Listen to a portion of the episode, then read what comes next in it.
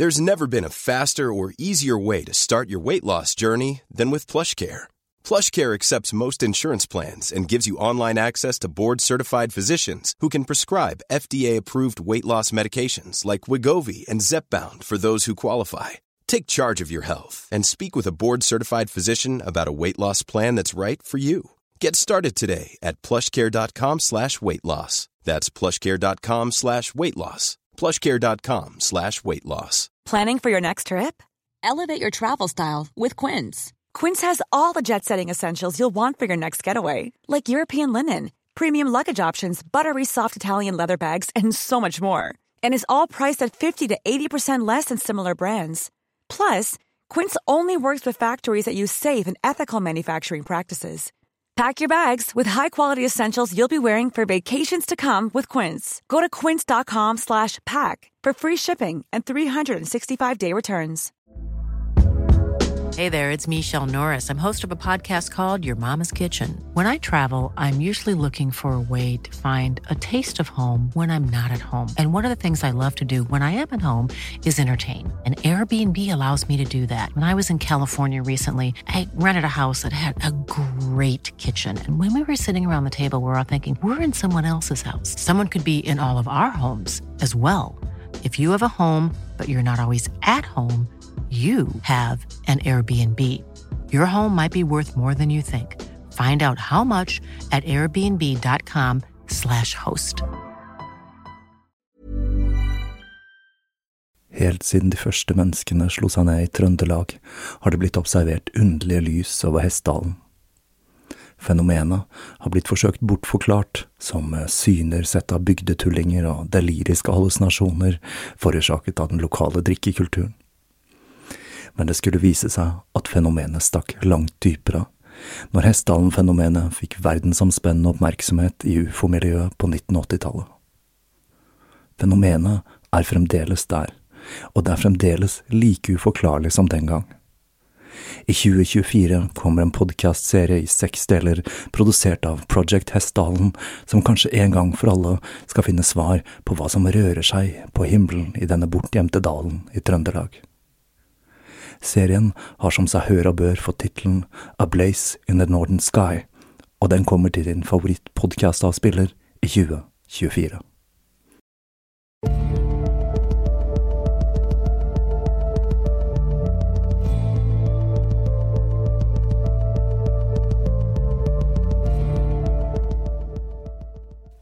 Hei og velkommen til den første episoden i 2020 og et nytt tiår med tåkeprat.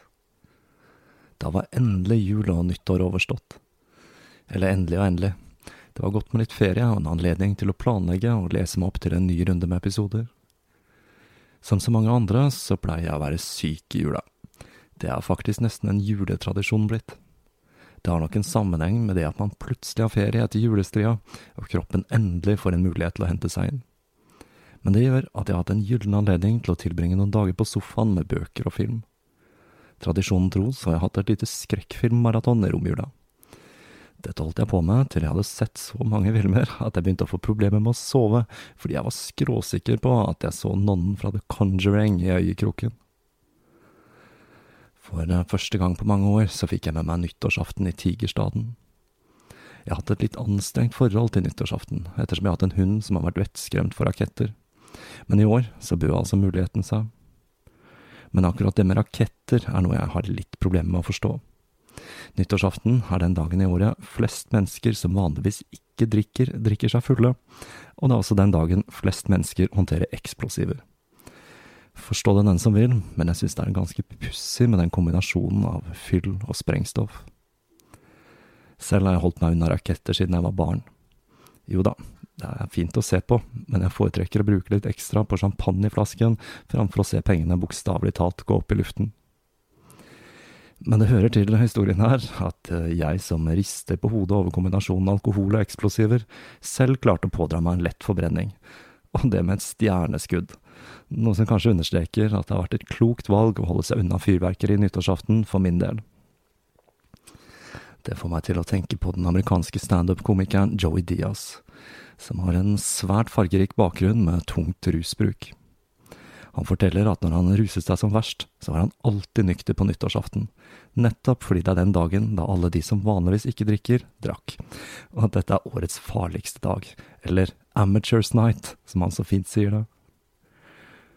Romjula ble også litt merkelig da forfatter og billedkunstner Ari Behn valgte å ta sitt eget liv første juledag. Jeg har egentlig aldri hatt noe forhold til Ari Behn, bortsett fra hans mange spreke uttalelser som Vi er den nye vinen, og omtalen av Märtha Louise som en lysfontene. Men jeg kjente litt på akkurat det. Som en liten påminnelse om at jula er en svært tung tid for mange som føler at de ikke klarer å leve opp til samfunnets standard om hvor koselig man skal ha det i denne tiden. Den norske mørketida er vel heller ikke den beste tiden for folk som sliter med depresjon. Men det har skjedd positive ting siden forrige episode også, ikke bare teite brannskader og sykdom. I januarnummeret av Er lik Oslo figurerer tåkeprat i en svært positiv tosides artikkel skrevet av Even Skyrud. Jeg vil på det varmeste anbefale alle dere som har anledning til å kjøpe dette nummeret. Jeg synes hele konseptet til Er lik Oslo er svært positivt. Dette gatemagasinet, som var Norges første og ble lansert i 2005, gir et lavterskeltilbud til noen av de aller svakeste i samfunnet, og gir mennesker i en vanskelig livssituasjon muligheten til å tjene penger med verdighet, uten å måtte ty til tigging og kriminalitet. Det er vel ingen hemmelighet at jeg syns dagens ruspolitikk hører hjemme på historiens skraphaug. Og nettopp ting som dette magasinet hører med i en ny måte å tenke på, nemlig å hjelpe framfor å straffe. Så ved å kjøpe dette, for å sikre deg hva jeg må si er en artikkel som er så positiv at den grenser mot reklame, så er det også med på å gjøre noe positivt. Og det til tross for at julen er over. Og det er ikke verst. Men nå skal vi over til årets første tema. Høsten i fjor ble preget av svært tungt materiale. Og jeg tenkte det var greit å starte året i år med litt lettere tematikk. Egentlig så tenkte jeg å starte med en enkeltstående episode, slik som i fjor men i løpet av jula ble jeg fengslet av historien om den siste ekspedisjonen til den britiske eventyreren Jack Hornby. Jack het egentlig John Hornby, men på samme måte som med Jack Parsons, så kalte vennene hans han for Jack, så jeg kommer til å bruke det navnet konsekvent i denne serien. Dette er en fortelling jeg kom over takket være en av dere lyttere, så takk til deg, og som jeg har hatt liggende i påvente av at jeg skulle få tid til å sette meg inn i den. Hovedkilden min til denne serien er Cold Burial av Clive Powell Williams fra 2001. En godt skrevet og researcha bok med gode kildeanvisninger. Historien om oppdagere og eventyrere er en som er preget av død og katastrofer, og det er kun de færreste som har fått sin plass i historiebøkene. Og det er vel nettopp det som gjør at det er så gjevt om man først klarer det og kommer tilbake i live med en historie å fortelle. Så dette blir en litt ny type tematikk for meg. Delvis, i hvert fall. Jeg har jo allerede tatt for meg svenskenes forsøk på å nå Nordpolen i episode 79, Ørnen, og man kan jo si at starten på fjoråret med McKenna-brødrene også var litt i denne gata. Men nå skal vi bevege oss dypt, dypt inn i den canadiske villmarken, og et område i nordvestterritoriene som består av tundra, for å følge en gruppe med tre menn på veien mot en langsom og grusom død.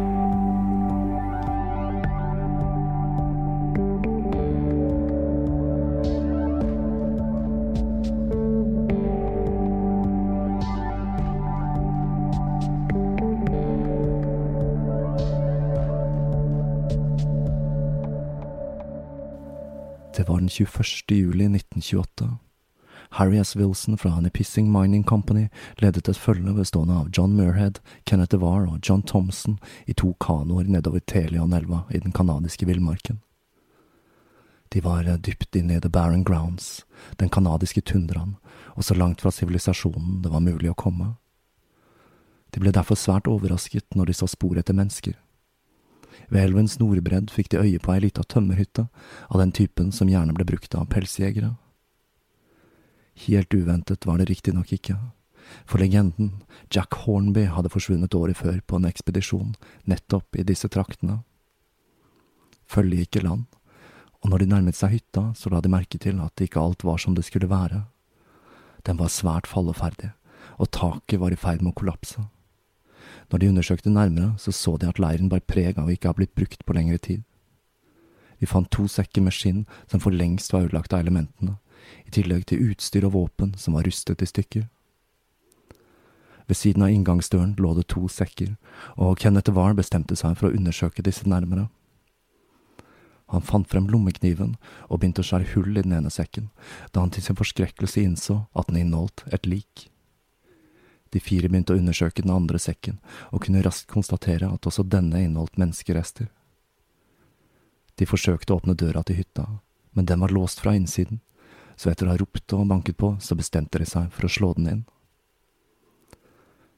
Luften i hytta var tung og fuktig og preget av en gjennomtrengende råtten lukt. Deler av inventaret og gulvet var ødelagt, og det kunne se ut som om de som holdt til i hytta, hadde brukt dette som en siste utvei til å fyre i ovnen som sto på midten av gulvet. Oppå ovnen sto en gryte, og da de kikket ned i den, fant de et kranie av hva som så ut til å ha vært en rev. De begynte å ransake hytta, og de fant mer turutstyr, og i noen kofferter så fant de en bunke med brev skrevet på brevark fra hotellet Windsor. Hytta hadde opprinnelig hatt tre køyer, men to av dem var hugget i stykker. På den tredje lå det et teppe, og da de dro dette til side, gikk det et kaldt gufs nedover ryggen på dem. Under teppet lå restene etter enda et menneske. Liket ramlet ut av køya, og en glisende hodeskalle som fremdeles hadde et par tuster hår, ble liggende på gulvet og stirre på dem. Grepet av panikk løp mennene tilbake til kanoen og fortsatte på ferden, noe skamfulle over at de hadde rømt uten å undersøke hytta nærmere. Hadde de gjort det, så hadde de oppdaget dagbøkene som var gjemt i ovnen, og historien om de tre som hadde endt sine dager i dypet av The Barren Grounds.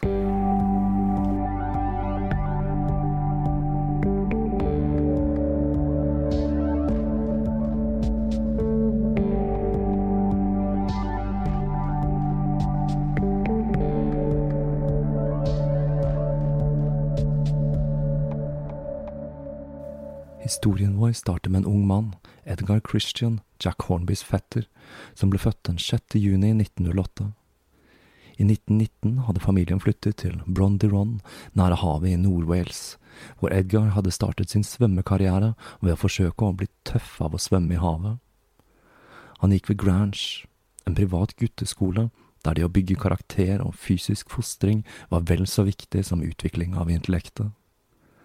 I 15-årsalderen ble han innmatrikulert ved Dover College, en offentlig skole som siktet seg inn på å gjøre elevene klare for militærtjeneste i de britiske koloniene. Rektoren ved skolen, W.S. Lee, var nemlig en tilhenger av friskuskristendom, som fokuserte på frelse gjennom hardt fysisk arbeid, og skolens motto var non recuso laborem, jeg nekter intet arbeid. Men eh, til tross for den intensive moralbyggingen ved skolen, så følte Edgar at han manglet det som skulle til for å bli et skikkelig mannfolk. Det eneste han hadde å sikte til av bragder, var en god plassering på et lokalt svømmestevne.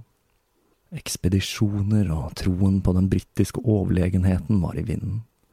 I 1924 fulgte alle skolegutter spent med på General Bruces ekspedisjons forsøk på å bestige Everest for den britiske kronen.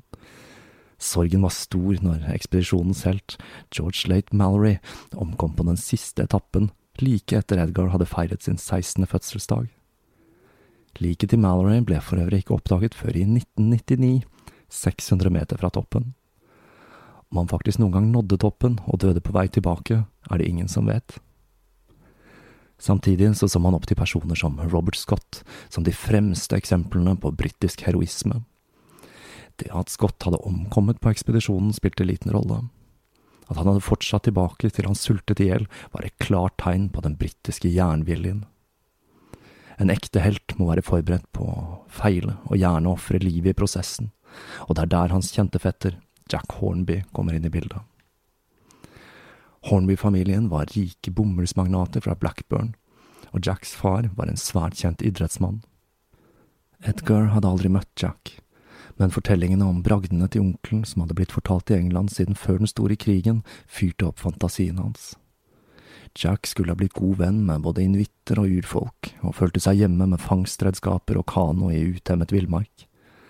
Han hadde til og med fått en medalje for sin deltakelse i krigen, og med sin velstående familie så var han den perfekte britiske helt og eventyrer.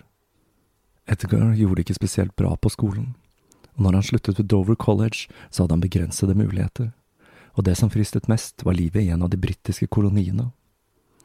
Høsten 1925 så fikk han seg en jobb på en liten gård i Buckinghamshire, for skulle han jobbe ved en av koloniene, så trengte han noen basiskunnskaper om jordbruk og økonomi.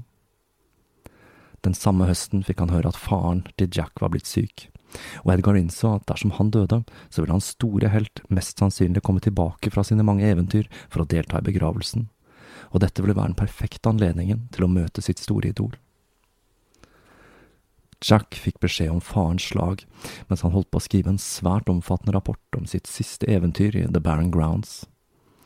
Han var stadig på reisefot og sjeldent hjemme, og han hadde kun besøkt hjemplassen tre ganger de siste 21 årene. Jack var den yngste av fire sønner, hvor kun to av dem fremdeles var i live. Begge de døde brødrene hadde tjenestegjort i militæret, en hadde dødd i boerkrigene og den andre i første verdenskrig. Men verken militæret eller det å gå i farens idrettsfotspor virket forlokkende på Jack, og han hadde reist til Tyskland for å finne seg selv. I Svartsvall så hadde han falt for ei enke, og for å imponere henne så hadde han deltatt i et skirenn hvor han kom på andreplass til tross for at han ikke hadde noen tidligere erfaring med å stå på ski.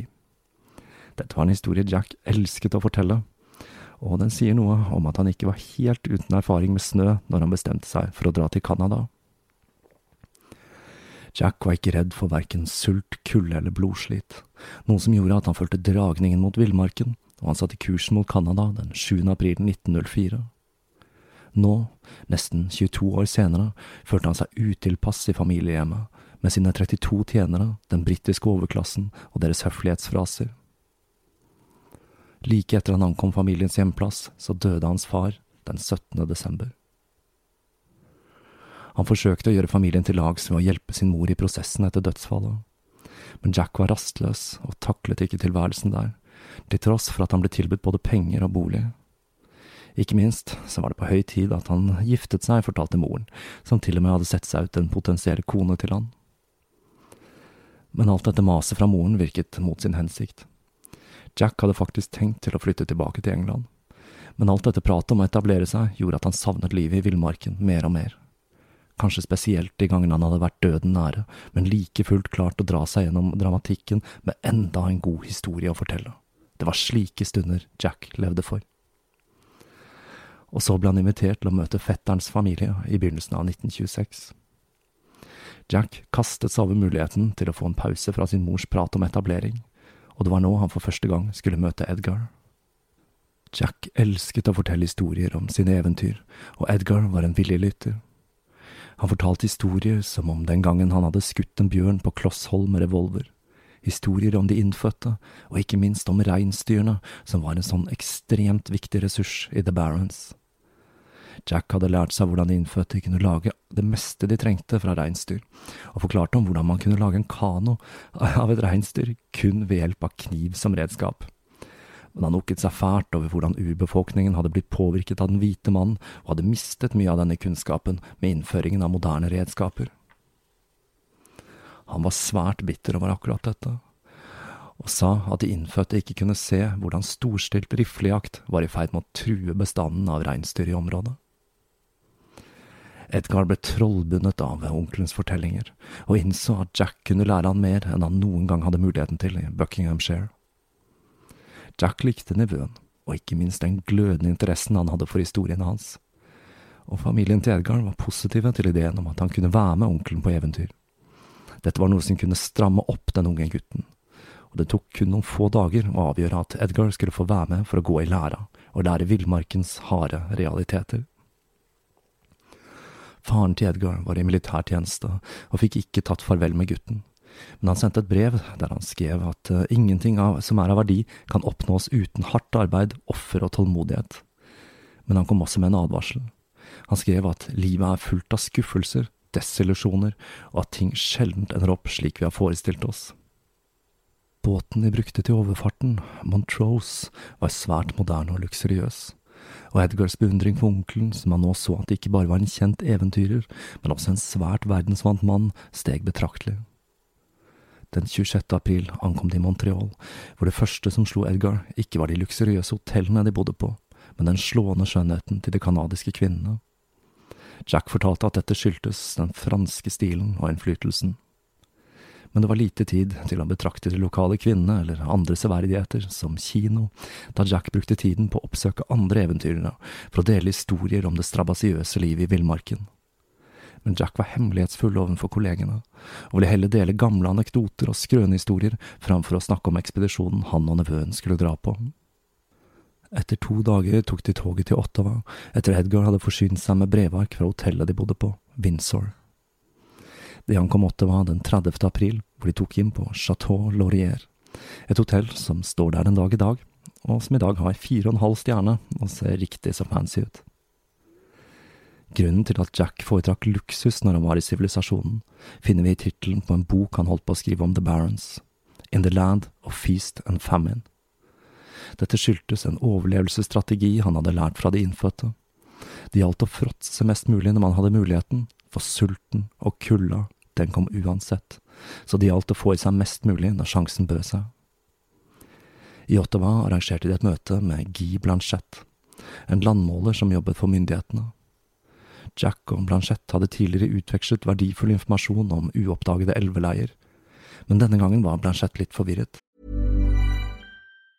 If you thought the only way to get a more defined jawline with natural looking results was through surgery, think again. Juvederm Volux XC is a non surgical injectable gel filler that improves moderate to severe loss of jawline definition and can help you achieve natural looking results with little downtime. Even better, this improved definition lasts up to one year with optimal treatment. No maintenance required. Improve jawline definition for a smooth, sculpted look with Juvederm Volux XC. For important safety information and to find a licensed specialist, visit juvederm.com. That's J U V E D E R M.com. Not for people with severe allergic reactions, allergies to lidocaine, or the proteins used in Juvederm. Common side effects include injection site redness, swelling, pain, tenderness, firmness, lumps, bumps, bruising, discoloration, or itching. There's a risk of unintentional injection into a blood vessel, which can cause vision abnormalities, blindness, stroke, temporary scabs, or scarring. Talk to a licensed specialist to find out if it's right for you. Burrow is a furniture company known for timeless design and thoughtful construction and free shipping,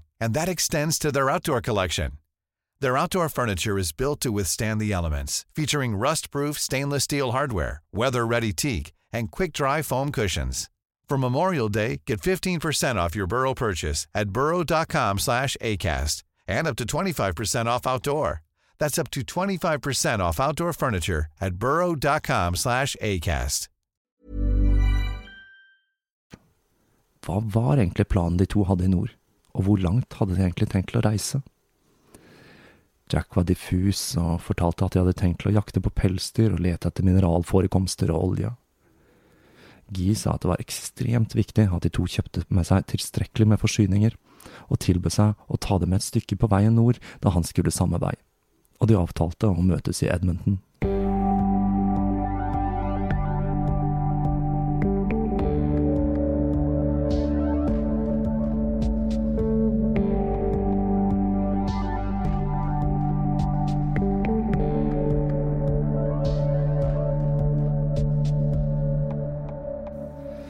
Men det var en lang reise dit.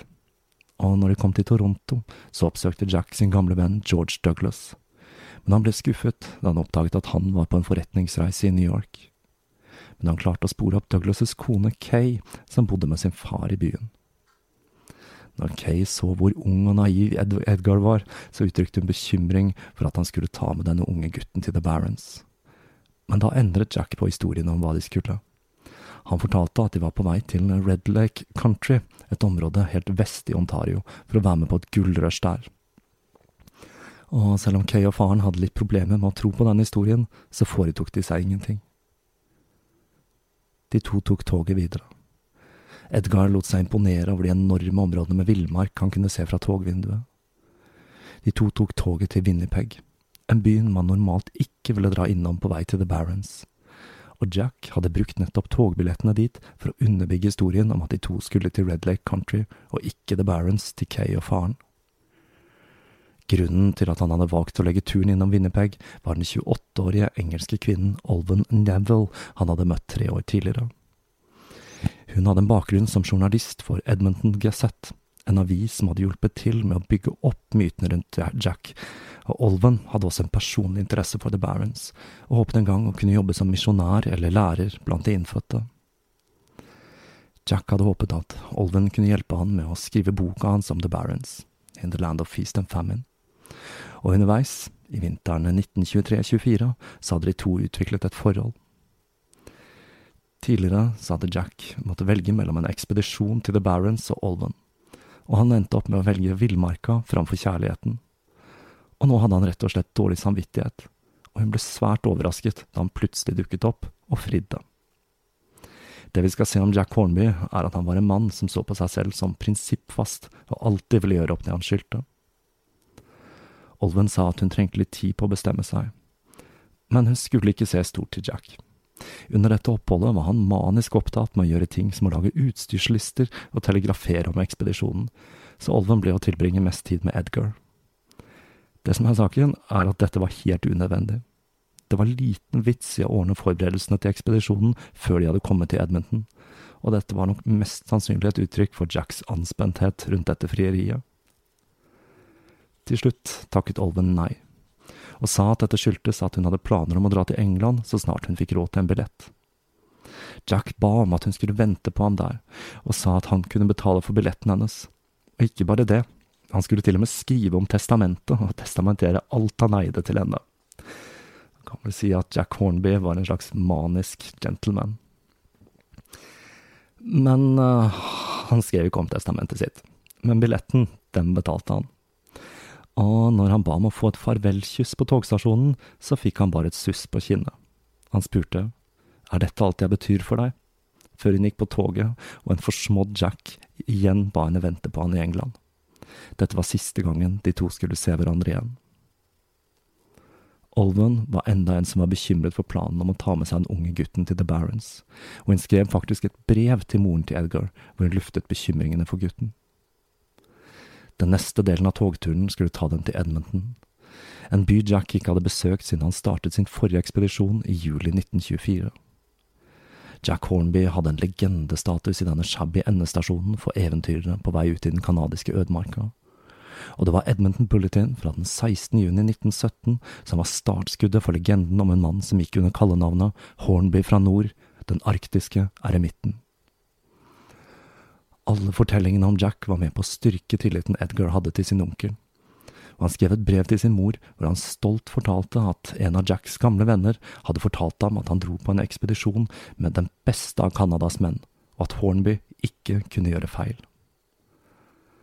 Fra Edmonton dro Jack og Edgar til en gård i Onaway som var drevet av noen slektninger, Armistead-familien. Edgar bodde der de neste to ukene, mens Jack selv dro for å ordne utstyr til ekspedisjonen. Edgars beskrivelse av tiden ved gården sier kanskje litt om hvor oppglødd han var etter å ha reist gjennom Canada med sin berømte onkel. Jeg syns Mr. og Mrs. Armstead er helt toppers.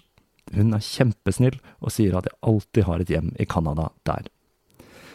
Det er denne bruken av toppers og kjempesnill som gjør at jeg føler Edgars naivitet skinner igjennom fra fortiden. Når eh, Jack var i On the Way for å kjøpe forsyninger, så møtte han en fyr han hadde blitt kjent med i Edmonton i 1923, Harold Adlard. En 27-årig pilot som hadde blitt alkoholisert under krigen. En alkoholisme han tok med seg tilbake til England, og som førte til at han etter hvert ble kastet ut av sin far. Harold flyttet til Canada i 1923, inspirert av de mange canadiske pilotene han hadde møtt under krigen. Han hadde spurt om å få bli med på den forrige ekspedisjonen til Jack. Jack hadde sagt ja, men makkeren hans, Critchell Bullock, mente at den alkoholiserte tidligere RAF-piloten var lite egnet for villmarken.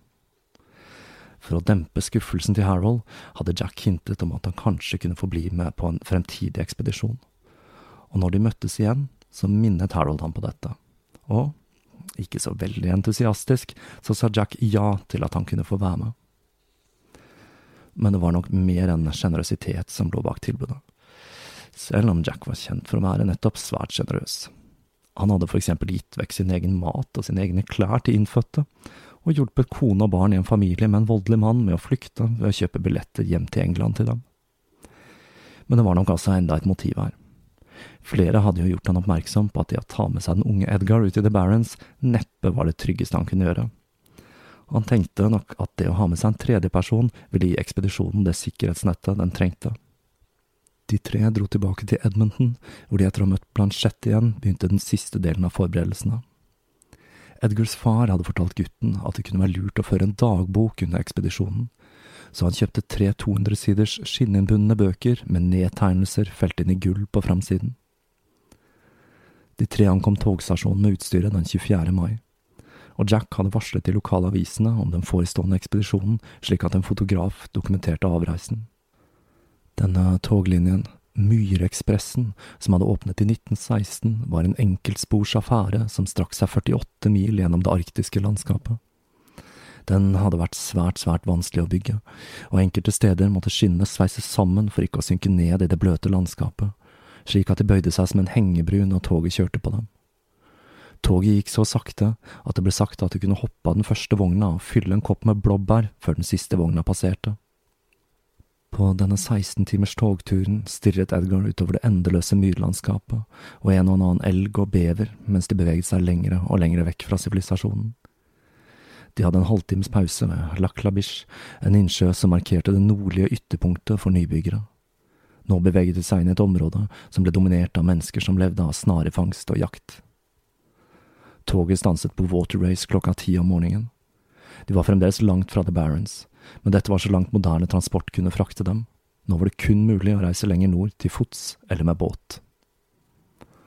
Waterways og den nærliggende bosetningen Fort McMurray var en flaskehals som markerte starten på et system bestående av 400 mil med elver og innsjøer som endte i Atlanterhavet. Edgar ble trollbundet av den merkelige blandingen av mennesker de møtte på i denne bosetningen, fra Canadas ridende politi og pelsjegere til urfolk og misjonærer. Men Jack var derimot ikke så fornøyd. Han hadde besøkt Fort Murray i 1908, når det kun var en øde liten utpost i sivilisasjonens ytterkant. Nå hadde det blitt bygget et hotell og en kirke og åpnet flere forretninger der. Dette var med på å styrke Jacks overbevisning om at landet var i ferd med å bli overbefolket, og det at det var mulig å finne luksus og komfort selv her, rev han i hjertet. Ingen, mente han, burde reise inn i The Barons uten å være forberedt på en asketisk og knallhard tilværelse. Han mente at ingen ekspedisjoner var verdt å gjennomføre dersom han ikke hadde med seg minimalt av utstyr og knapt kom levende hjem. Det var akkurat dette som gjorde at han hadde bestemt seg for at de skulle utforske de mest øde områdene av The Barons. Men til tross for forakten for sivilisasjonens komfort, så tok han hensyn til alle de bekymrede tilbakemeldingene han hadde fått for å ta med seg Edgar på ekspedisjonen, og han hadde motvillig anskaffet rikelig mengde med utstyr på grunn av sine to reisekamerater. Det aller tyngste de skulle ha med seg, det var en ovn av metall med pipe. I tillegg hadde de med telt med bunnduk, tepper, madrasser, sekker, fiskeutstyr, kjøkkenutstyr, primus, kjøttkvern, verktøy, snarer, teknisk utstyr som kamera og kikkert, og ikke minst våpen. De regnet med at våpen skulle bli det viktigste verktøyet for å skaffe seg mat. Dette dreide seg om tre rifler med ca 2000 skudd til sammen. Det er litt underlig at de ikke også valgte å ta med seg hagle, for akkurat det skulle etter hvert vise seg å gjøre overlevelsen i villmarka langt mer utfordrende. De hadde også selvsagt med seg klær, som var bra i forhold til datidens standard. Men det er litt rart at de kun hadde med seg én parkas på deling, for dette var det mest praktiske og vanntette plagget i hele oppakningen. Av mat så hadde de selvsagt te, dette dreier seg tross alt om engelskmenn, i tillegg til en del tørrvarer som mel, gryn, sukker og kjeks. Men matvarene ble holdt til et minimum, da Jack hadde stor tro på sin egen kapasitet som jeger. Jack hadde til og med med seg en dress og etterbarberingsvann. Alt dette utstyret, som til sammen veide ca. et tonn, pakket de i én kano. De fikk eh, halt kanoen og utstyret ned til elva, Atabaska. Denne farkosten skulle være transportmiddelet deres for resten av turen. Dette dreide seg om en 20 fots kano som var flat akterut, slik at man kunne feste på en motor. Men eh, den slags moderne saker ville selvsagt ikke Jack vite noe av. Båten skulle drives med årer eller seil dersom forholdene tillot det. De kunne egentlig ha benyttet seg av en av de mange elvebåtene på den første delen av turen, men dette ville selvsagt ikke Jack vite noe av. Når de satte av gårde på ferden fredag den 28. mai, så var det fire, ikke tre i kanoen. Jack hadde møtt på en viss JM på toget. Dette var en erfaren oppdager som hadde vært en del av følget til Blanchett, og som skulle reise samme vei som dem. Jack var glad for å ha med en som hadde erfaring med kano, mens Edgar og Harold måtte lære seg å padle.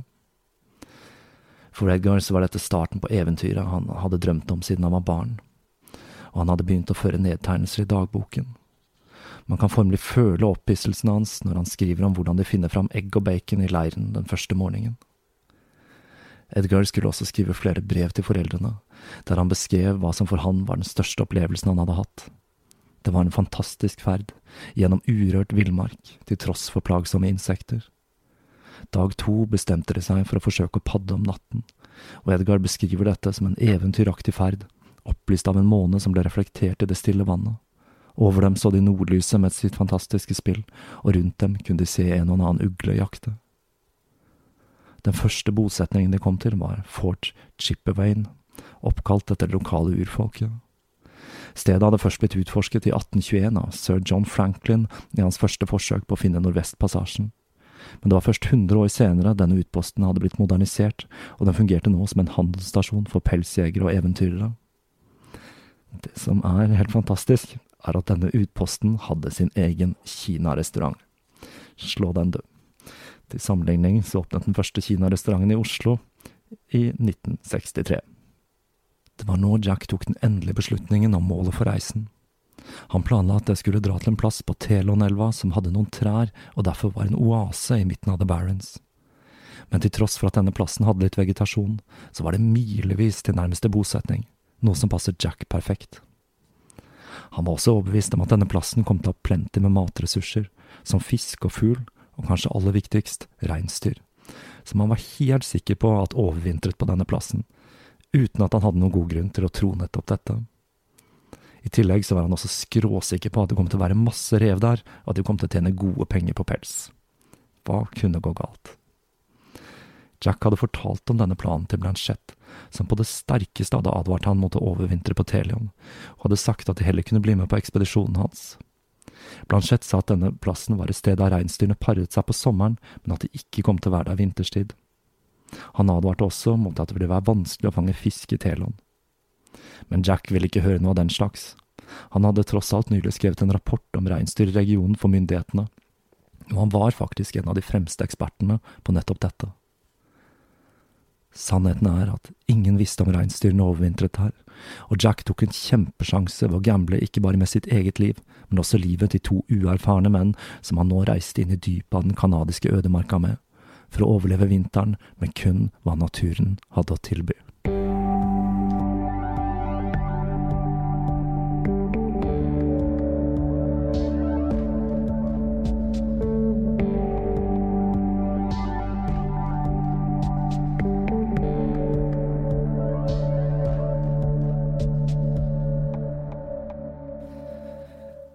Dette går ikke bra, det kan vi vel slå fast allerede. Det som fascinerer meg spesielt med denne historien, er den naive Edgar som blir helt trollbundet av sin berømte onkel. Jack Hornby var riktignok ikke helt på viddene. Det må sies at eh, denne mannen var en hardhaus som hadde tilbrakt mye tid i den canadiske villmarken.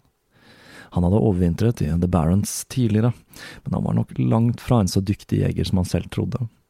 Han hadde tidligere klart seg på hengende håret kun ved hjelp av urfolk og pelsjegere.